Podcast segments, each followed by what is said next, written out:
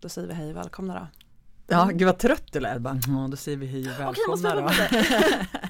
Kom igen nu Anna-Fia, upp med liksom, upp med hakan, upp med humöret, driv det här Ja, nu. gud, jag har yogat på morgonen. Herregud. Mm.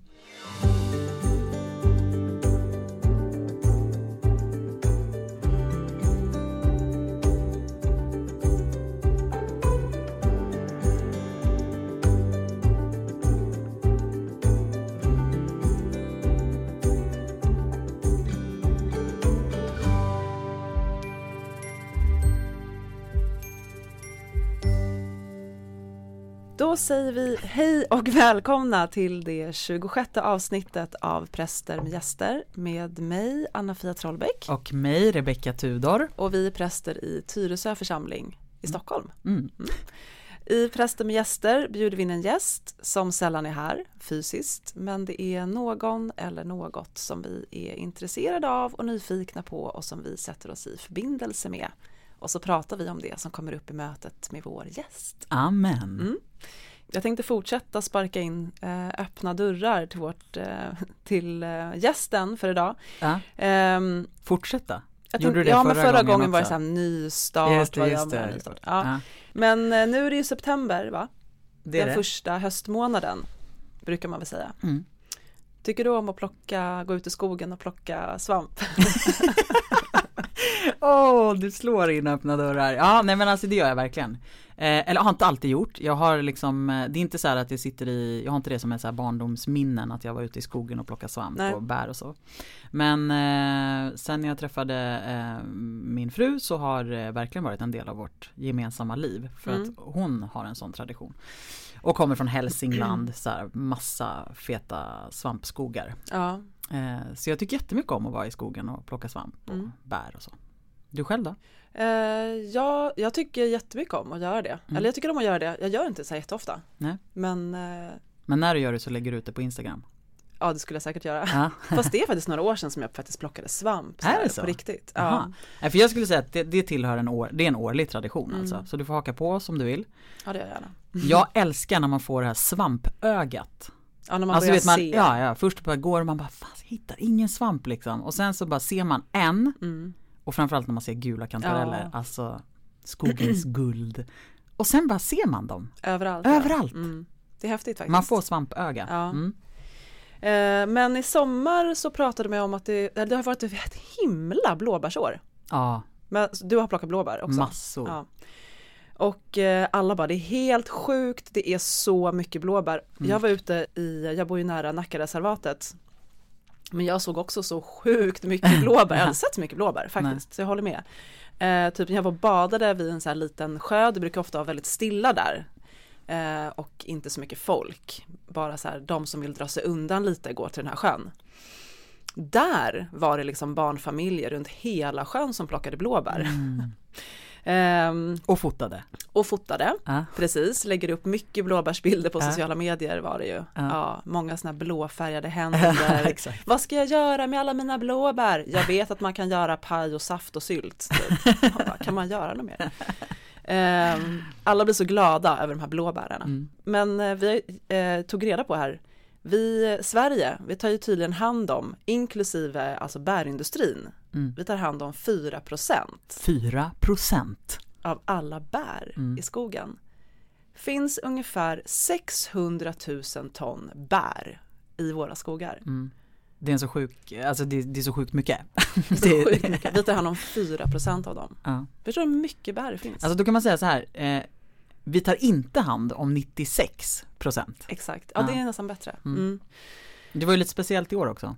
Ja det var det. pandemin. Pandemin ja. Ja, för Vi- vilka är det som plockar våra bär? Exakt, vi tar Mm. in dem eh, som gästarbetare som kommer. Ehm, För, För- löner som, som inte liksom svenskar går med på. Ja, så det var mycket kring de här bärplockarna, om de skulle få komma hit eller inte och det fick komma lite, Några. verkligen en bråkdel Mm. av hur, hur många, hur mycket bärplockare som eh, kommer hit faktiskt och Mm. plockar bär. Ehm, och eh, också så här, det har varit reportage i tidningarna, de har bott under så här, ja men nästan så här, ja men under verkligen så här hemska förhållanden, de har verkligen typ blivit så här hitlurade Mm. bor utan el och vatten Mm. och liksom, de har inga rättigheter. Det, typ, det blir nästan som människohandel. Mm. Och sen är det ju dessutom då så att de alla bär som plockas i liksom den svenska bärindustrin. Mm. Det är inte de bären som vi köper i butiken. Nej. Utan de här bären, de liksom eh, eh, transporteras liksom till Asien. Mm. Eh, för att där har man en bär, liksom förädlingsindustri. Ja. Ja, där det blir liksom, eh, där man använder blåbär till liksom hudvårdsprodukter ja, och, och allt möjligt. hälsokost Ja. och så här. Men den Mm. förädlingsindustrin eller konsten, den, Mm. den har vi inte i Sverige. Varför gör inte vi det när vi har 600 000 ton bär Ja, i skogen? alltså om det är några som borde liksom ha Alltså, det, men det, det är jättekonstigt Mm. att vi inte tar vara på den, den liksom råvaran som bara finns här. Ja, Som har liksom så mycket antioxidanter och är så nyttiga Ja, och så Och som sagt var 96% av blåbären är kvar i skogen. precis. Det är väl bara att starta en liten förädlingsfabrik. Exakt, och så Ja. går vi in i butiken, Mm. köper bär, blåbär I, en, i ett så här, eh, i ett så platt plasttråg Ja. från Sydamerika typ. Ja, med vitt innanmäte. Mm. De är in, och de är, vad, vad sa de, en tredjedel sämre, alltså mindre mm, Men jag undrar alltid, jag får alltid så här, liksom. det här är inte ens släkt med blåbär brukar jag tänka. mm, Med de där bären. mm, Smakar inget. nej, Är- De ser bara så här maffiga ut. mm. De kladdar ju inte, eller man, man får inga blåa fingrar liksom. Nej, Du riskerar inga fläckar på tröjan. men om du jämför ett sånt stort som man tänker så här, åh vilket maffigt häftigt blåbär. men alltså när du plockar ett riktigt moget stort blåbär i skogen. Mm. Mm. Nej men det är faktiskt, Ja. det är helt otroligt eh, bisarrt alltså. Det är det verkligen. Det var intressant att läsa den där, det där reportaget. Ja det var det. Eh, Man får lite perspektiv liksom. Så att bären räcker åt alla. Mm. Och det blir ändå alltid ändå över. Mm. Och står och liksom eh, ruttnar bort. Mm. Mm. Kan vi tänka på. Det kan, vi verkligen, det kan vi verkligen tänka på. Är det nu vi bjuder in vår gäst eller? Ja, nu ska vi bjuda in ja, vår gäst. Ja, vad här- härligt. Då säger vi välkommen in i rummet. Skogen.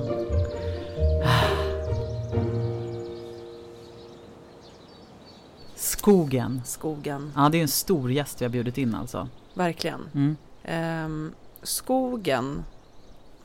Vi försökte kolla upp en definition. Det är svårdefinierat. Vad just som är skog. Eller vad är en skog? Mm. Det finns olika mått på. Det ska vara si och så många träd. Eller täcka si och så mycket areal. Och det ska vara, de ska vara si och så höga och så. Mm. Och jag tror inte heller, vi ska inte heller säga så här, det är en samling träd. Nej, Utan det är en väldigt grundförståelse av skog. Exakt. En skog är i alla fall, eh, eh, skogen är inte, en skog, en skog är inte odlad, inte framodlad. För det är en plantage. Mm. Det är en odling Mm. helt enkelt. Det finns det Ehm, gott om i Sverige. Och det finns det jättegott om. Ehm, Granplantager. 69% av Sveriges yta är täckt av skog. Skog, skog. Ja men det stod bara skog. Mm. Och då var det Statistiska centralbyrån. Jag tror nog att det är både odlad och, eh, och skog. Ja. Men, eh, men det är i alla fall eh, det är i alla fall ungefär samma procentsats som vi har vatten i kroppen. Jag bara fick en sån, Hmm. vi består av 70% vatten, Just Sverige består av nästan 70% skog. I alla fall. Gör den lilla Precis, kopplingen. Kan du fundera Kan på. du fundera Ja. på vad det betyder? Men eh, skogen i alla fall, det är ju ett väldigt komplext ekosystem. Mm. Skogen binder eh, koldioxid. Mm. Eh, skogen är väldigt viktig för våra djur. ehm, För allt, ja, för för allt liv. också. För allt Mm. liv på jorden i skogen. Mm. ehm, nödvändig. Mm. Ändå så Skövlar vi den? skövlar vi den, vi hotar skogens liv och existens. Och det märkliga är ju då att när vi gör det så, så riskerar vi vår egen existens. Mm. Vi kommer inte klara oss utan skogar. Nej. Ehm, Nej och det är det, alltså apropå bärindustrin så kan man prata om skogsindustrin. mm, Alltså hur ser vi på en skog? Alltså vad är en skog? Vad har vi för relation till skogen? Ja. Och ser vi det som någonting som vi kan tjäna pengar på? Som Mm. vi äger och vi gör vad vi vill för att liksom Ja, eh, resurser. Eh, eller ser vi på en skog som helig? mm, Eh, ja, jag tänker att en fråga som vi bär med oss idag är ju Mm. liksom Är skogen besjälad? precis.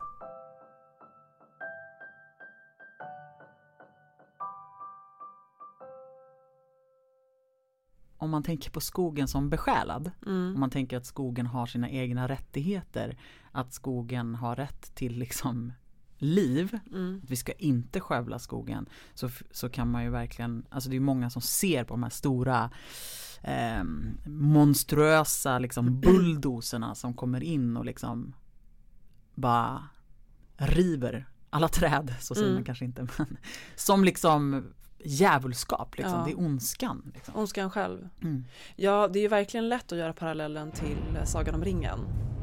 Sauron needs only this ring to cover all the lands in darkness. What must I do? The ring must be destroyed. Och eh, i första filmen när Sauroman eh, ska bygga sin stora eh, han river alla gamla träd eh, utanför eh, Ortank där han, har, där han bor. Och eh, de här orcherna liksom, de bara river ner träden och det så knakar och gnisslar i skogen och sen så bygger han ju som en stor här, monsterfabrik ner i marken. Och de gör vapen och det är verkligen så här industrin och sen så har man då skogen bredvid. Liksom Mm. skogen som verkligen i Tolkiens värld är besjälad och träden som har egna, som verkligen, det finns de här enterna som är en slags skogsväsen, trädväsen. Eh, men det är ju verkligen, det där det är så här skogsindustrin eh, Mm. är typ Sauroman Mm. då, Mm. kan man eh, se det som. Mm. Medans eh, eh, ja, i relation till skogen som, som är helt värnlös och som inte kan försvara sig Mm. på något sätt. Ehm, och, Nej, det, och det är verkligen, jag, häromåret så, så, för några år sedan så läste jag två böcker parallellt. Dels så läste jag den här boken som heter Brandvakten av Sven-Olof Karlsson som handlar om den här branden i Västmanland 2004. Han, det är också så att han kommer därifrån, han har växt upp där så att han var tvungen att fly därifrån med sin familj. Mm. Ehm, och så parallelläste jag den boken med en bok som heter Trädens hemliga liv som är skriven av en tysk eh, skogsvaktare. Typ. Mm.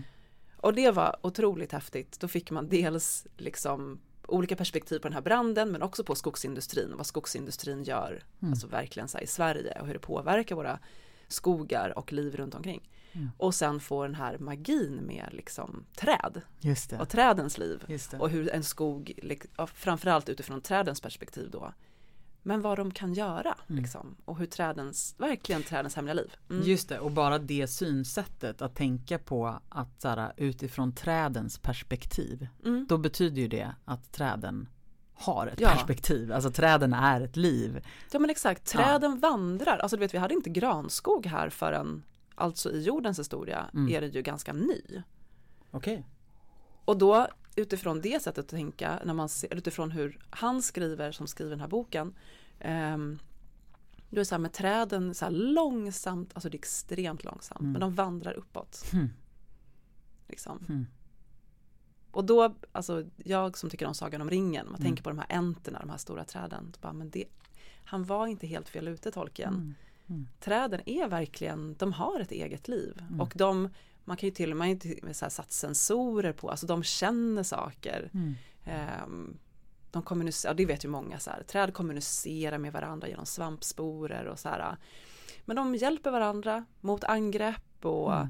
eh, fostrar varandra.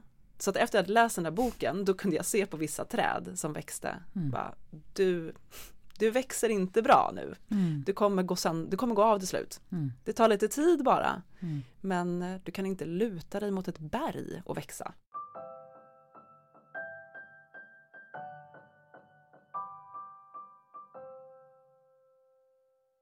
Det är något väldigt mänskligt över träd. Mm. Det är som att vi är väldigt nära varandra. Jo men hur, jag menar det finns, jag menar trädkramare. ja. men har du kramat ett träd det på sistone? har jag. Har du gjort det på sistone? Sistone. Ja men det var inte så länge sedan, det var faktiskt i somras. Ja, på ett, ja, jag var på ett ungdomsläger och vi eh, vandrade eh, och då stannade vi till eh, vid ett tillfälle. Och fick alla krama ett träd? Det, jag, jag, jag ska inte säga det för då kanske jag ljuger Mm. och det vill jag inte göra. Eh, men jag gjorde det i alla fall. Mm. Mm. Det är jättehäftigt att Mm. krama träd. Mm. Man vill inte släppa taget. Nej. Så är det för mig i alla fall. Jag gjorde också det i somras vid något tillfälle. Mm. Jag vill inte släppa. Så det betyder att du tänker att träd har en själ? Ja, verkligen. Det är så uppenbart att naturen och skogen har någonting som vi saknar och som, eller som vi längtar efter. Mm. Som i alla fall vi som bor i storstadsmiljö miljö, eller liksom i Framför allt storstadsmiljö skulle jag säga. Ja. Eller? Tänker jag i alla fall. Ja. ja. Ja du menar att vi, framförallt vi som lever i storstadsmiljö bär på den längtan och liksom till, ja, för de som har det i sin vardag på något sätt, ja de har ju det i sin Då vardag. man- ja, då, då- har man ju, då, då får man ju tillgång till den där Ja. liksom, naturen. Och, Man är nära det hela tiden men, Mm. men, eh, men i staden blir det ju så här eh, Jaha, du mår lite dåligt, man går till vårdcentralen och jag, vill, jag behöver vara sjukskriven. Att ta en skogspromenad Mm. är ju så här, eh, gör Mm. lite mindfulness och gå ut i skogen typ. Ja men som en, som en Men- reell Precis, liksom. men det som är hälsosamt i skogen tydligen, Mm. vet du vad det är? Nej. Dofterna Mhm, tydligen, mhm, har jag lärt mig. okej, Det är någonting med doften i skogen Okej. som är väldigt bra. Ja men det kan man väl tänka hälsa. sig. Mm. Jag tänker i och för sig att det borde vara liksom allt, det eh, att det liksom hör ihop på något Mm, sätt. ja, Att men det så liksom är det ju såklart. Ja men allt vad det gör med en att vara i skogen, allt ifrån att, eh, ja men, eh, du sa ju det precis, dofterna Mm. till det man, det man ser, det man känner och ens existens eller liksom på något sätt. Mitt vara i skogens vara är så frånkopplat prestation och krav eller yttre liksom Ja, men vad är det som blickar. händer? Jag kan liksom, jag får se ut som jag vill, jag behöver inte bry mig. Eh, Nej. jag kan till och med tycka att det är skönt att klä på mig liksom fulkläderna när jag ska ut i skogen, Mm. så här, på med stövlarna och på med liksom Ja, det är inte så att man sminkar sig liksom. Nej. Nej, och, och så här, man vill vara ren på något sätt när man är i skogen. Det är ju någonting med att vi längtar, alltså, ja men där söker det autentiska liksom. Vi, Ja men det är liksom, någonting med det. det naturliga. Att så här, vara själv, natu- alltså vad det nu betyder. Mm. Men, Det är någonting riktigt. Det är någonting i skogen som är riktigt. ja, Och riktigt verkligt då. ja, Som inte, och, det, och det finns inte i den urbana, den urbana vardagen. Eller i mitt vardagsliv överhuvudtaget. nej men precis. Uppenbarligen. Nej, Jag tänker vad det är, så vad är det där, vad är det där autentiska, vad betyder det? Att Mm. det är det som jag söker, liksom mitt Mm. autentiska jag, jag utan Mm. eh, Är det att jag inte behöver förhålla mig till eh, massa saker eller är det att jag inte behöver vara någon roll typ? mm, Jag behöver inte göra mig till för träden nej. Eller för blåbärsriset eller Nej. Nej, för det kan man ändå säga, trädet liksom gives a fuck about you. Mm. Liksom. Alltså trädet i sig bryr sig inte nödvändigtvis om dig. Nej precis, Sen är det ju viktigt hur du, hur du beter dig sko- mot skogen. mot skogen. Ja. Alltså, för skogen som du sa förut också, skogen kan, alltså träden kan ju inte skydda sig. Nej, Skogen kan inte skydda sig från oss, det är vi som är, och då har vi ju liksom Ja men jag tänker på skapelseberättelsen och hur vi som män, mänsklighet är liksom satt att förvalta skapelsen. Ta hand om den, inte liksom förbruka den. Inte förbruka den och inte förstöra den. Nej. Jag blir alltid väldigt ledsen när man ser alltså, typ någon som har så här hackat, och hackat lite i ett träd. Typ. Mm. Så här sjukt Eller onödigt. typ barn som bara går och så här har sönder, typ bryter sönder så grenar och sånt. Jag har jättesvårt för det. Det är som att det gör typ ont i, en, i mig. Men det är någonting också med skogen som ett rum, tror jag Mm. också. Om man de här eh, höga tallarna eller granarna eller Mm. vad det nu är för träd reser sig som en katedral. Mm. Liksom. Och, Ja, verkligen, det är ju ehm, som pelare. ja. Liksom. I, eh, jag kommer inte ihåg exakt nu när den här boken kom, men David Turfjell Mm. som är religionshistoriker i botten har ju skrivit en bok som heter Granskogsfolk. Mm. Och då har han intervjuat människor om typ deras relation till skogen och han menar, och typ så här, ja, nu har inte jag, jag har bara liksom läst om boken. Alltså att det är en andlig hemvist, att man upplever andlighet i skogen. Och Mm. han då liksom resonerar sig fram till så här, ja, men det är svenskarnas, är det svenskarnas nya kyrka? Mm. Ehm, Ja precis, Underti- undertiteln på hans bok är Hur naturen blev svenskarnas Mm. religion. Just det. Mm.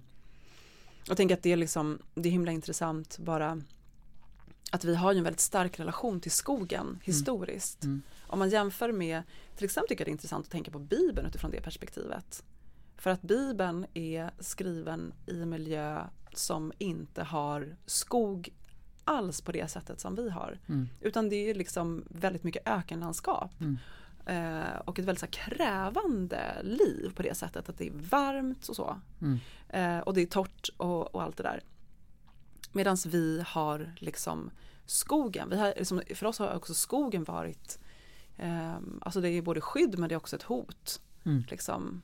Så jag menar människor som inte har sett den här typen av natur tidigare Mm. kan ju uppleva den som väldigt hotfull. Just det. Alltså att gå ut i skogen är någonting väldigt obehagligt för där kan det finnas vilda djur Ja som är farliga. Just. Eh, nu tror jag att vi inte vi har så mycket vilda farliga djur. Nej men verkligen, men man kan ju ändå vara rädd, alltså Mm. bli mörkrädd av att vara i en skog i mörkret. Ja, men kan, kan inte du känna att du blir lite, lite, om du står i skogen ensam, Mm. Att det känns som att så här, men är det någon, Mm. är det någon där? Ja, Mm. absolut. Eh, men jag är ju en, en sån som tycker att det är läskigare att vara i en skog när det börjar mörkna än att vara i stan. Ja men det, så är jag också. Ja. Men det är ju förstås helt befängt. Det är klart Mm. att det är farligare Mamma, tänk om det kommer en yxmördare ja, Bara, i i skogen. Exakt. och letar efter mig. Exakt.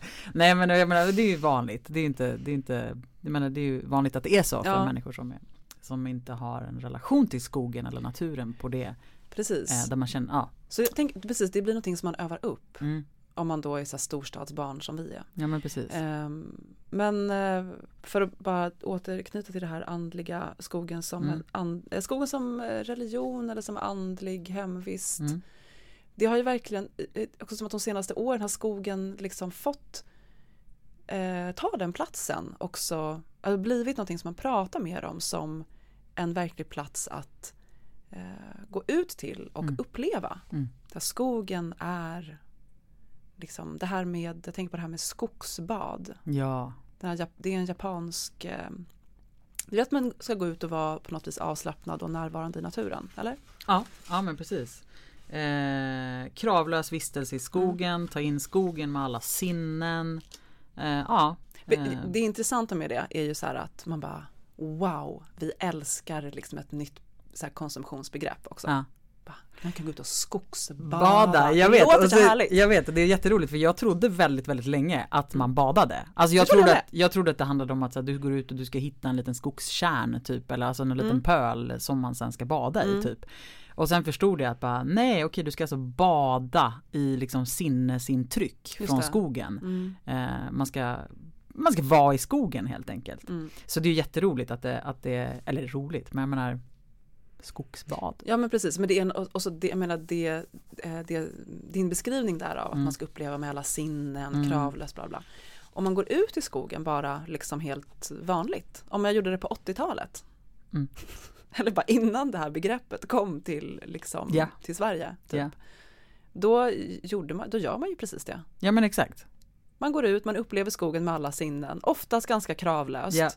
Ehm, bara liksom slappnar av. Men vi idag så behöver vi på något vis, eh, det är som att vi behöver, behö- är det så att vi behöver ställa in vårt sinne på att nu är det det här jag ska göra. Och så måste jag säga det eh, till dig. Mm. Jag ska gå ut och skogsbada idag. Mm. Som att jag går och tränar. Just det. För det är någonting med det där som ändå är lite lurigt, Ja, tycker jag. Jo, ja, men jag kan, varför behöver vi liksom jag, jag kan verkligen, eh, jag kan verkligen, får jag bara, får jag Mm. bara läsa upp en liten sak då? Ja. För här finns det nämligen en guide, eh, gör ditt eget skogsbad Mm. i fem enkla steg. Ja. Dags att prova, här får du en enkel nybörjarguide. Mm. Mm. Ett, sök upp en skog. Mm. Bra. Eh, men det kan också vara en park eller en liten skogsdunge. Okej. Bara så att du vet, in case om det är svårt för dig. Eh, två, låt mobilen vila. Japp. Ja, stäng av den då. Mm. Tre, stå stilla. Lägg märke till vad som finns runt dig.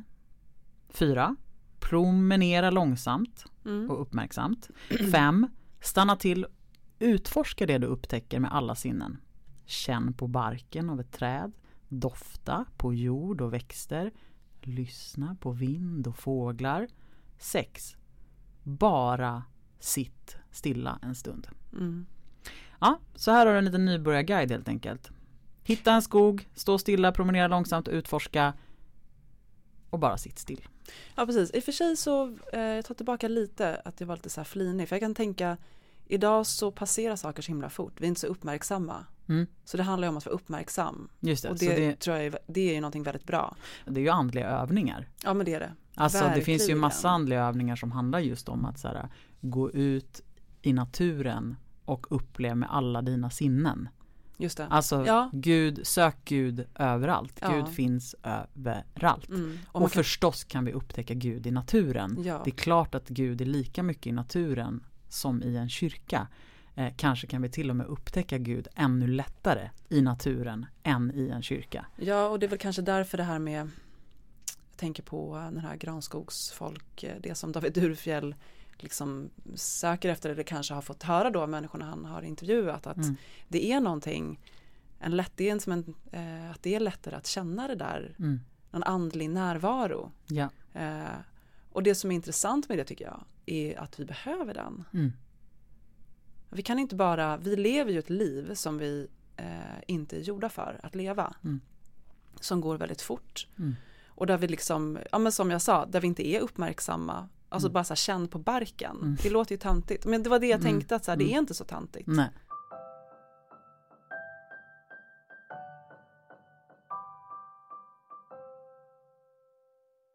Om vi tänker oss att Gud finns överallt men det handlar om när vi blir, alltså Gud är närvarande Mm. överallt hela tiden.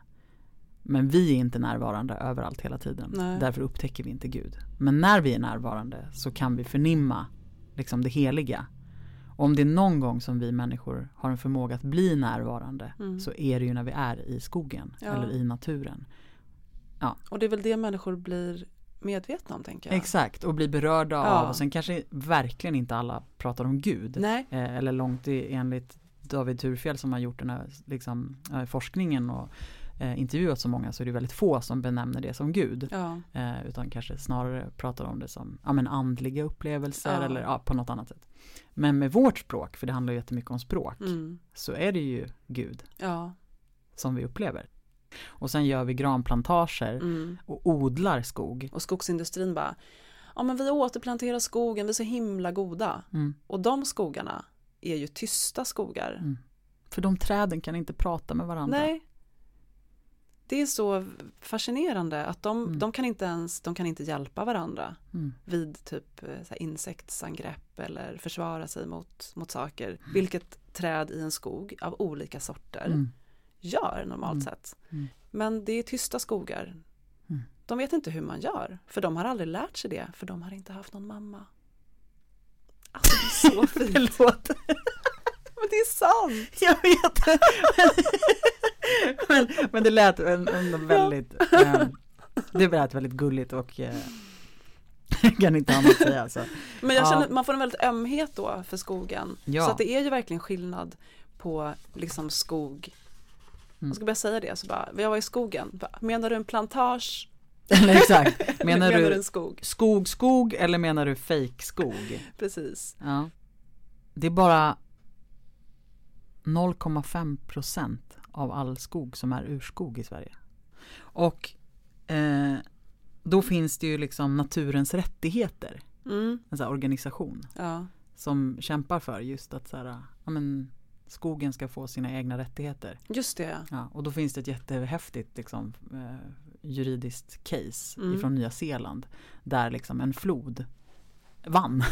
Floden vann. Floden vann, floden fick rättigheter, floden och det var för att ursprungsbefolkningen eh, sa att så här, eh, jag är floden och floden är jag. Om ni gör illa floden, skadar den, så skadar ni oss, också mig eller oss. Mm. Eh, ja.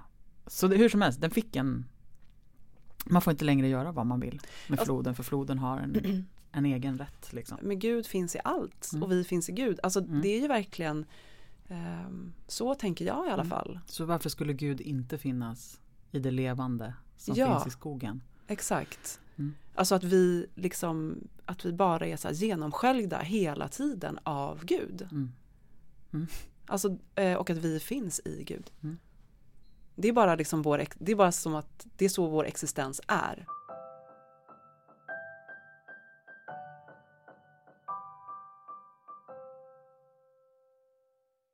Vad, vad väljer du då? Skog eller öppet hav? Åh men alltså, Du måste välja. jag älskar havet. Mm. Jag måste välja havet. Då får vi bjuda in havet någon gång. Ja, ja, oh, gud vad underbart. Ja, Mm. men eh, vi måste avrunda. Vi ska avrunda, ja. Eh, men tack skogen. Låt oss ta hand om skogen liksom. ja. Krama träd. Och sen så ska jag bara typ ett tips då. Mm. är att eh, om man bor i Stockholm eller i Stockholmstrakten eller ändå vill resa hit eller jag vet inte. Eh, I alla fall i, i helgen så öppnar en utställning på Valdemarsudde eh, som ligger på Djurgården som heter Trollbunden, John Bauer och den magiska naturen. Mm. Den ska jag försöka gå och se ur tillfälle. Mm. Bra tips. Mm. Eh, jag måste också få eh, avsluta med ett litet citat. Eh, och också säga jättekort om en bok som jag också kan rekommendera. Mm. Som ju är en klassiker får man väl lov att säga. Från 1800-talet. Eh, Henry David Thoreau, eller Thoreau. Eh, som har skrivit boken Walden, eller Walden. Eh, som ju han väljer att lämna civilisationen och flytta ut i skogen Mm. och bygger sig ett litet, ett litet hus Mm. eh, vid en kärn. Och där bor han i två år, två månader och två dagar. Och sen gör han, som han skriver i boken, ett gästbesök i civilisationen. Mm. Eh, ja, han, han skriver om sina upplevelser i, i att leva liksom i skogen. I skogen. Mm. Mm. Och eh, ja, det är liksom enkelhet och långsamhet är några kärnord. Eh, och sen så hittade jag det här fina citatet. Jag gick till skogs för att leva medvetet. Jag ville leva innerligt och suga märgen ur livet. För att utdriva allt som ej är liv och inte vid min död upptäcka att jag aldrig levat. Men ska vi dra då?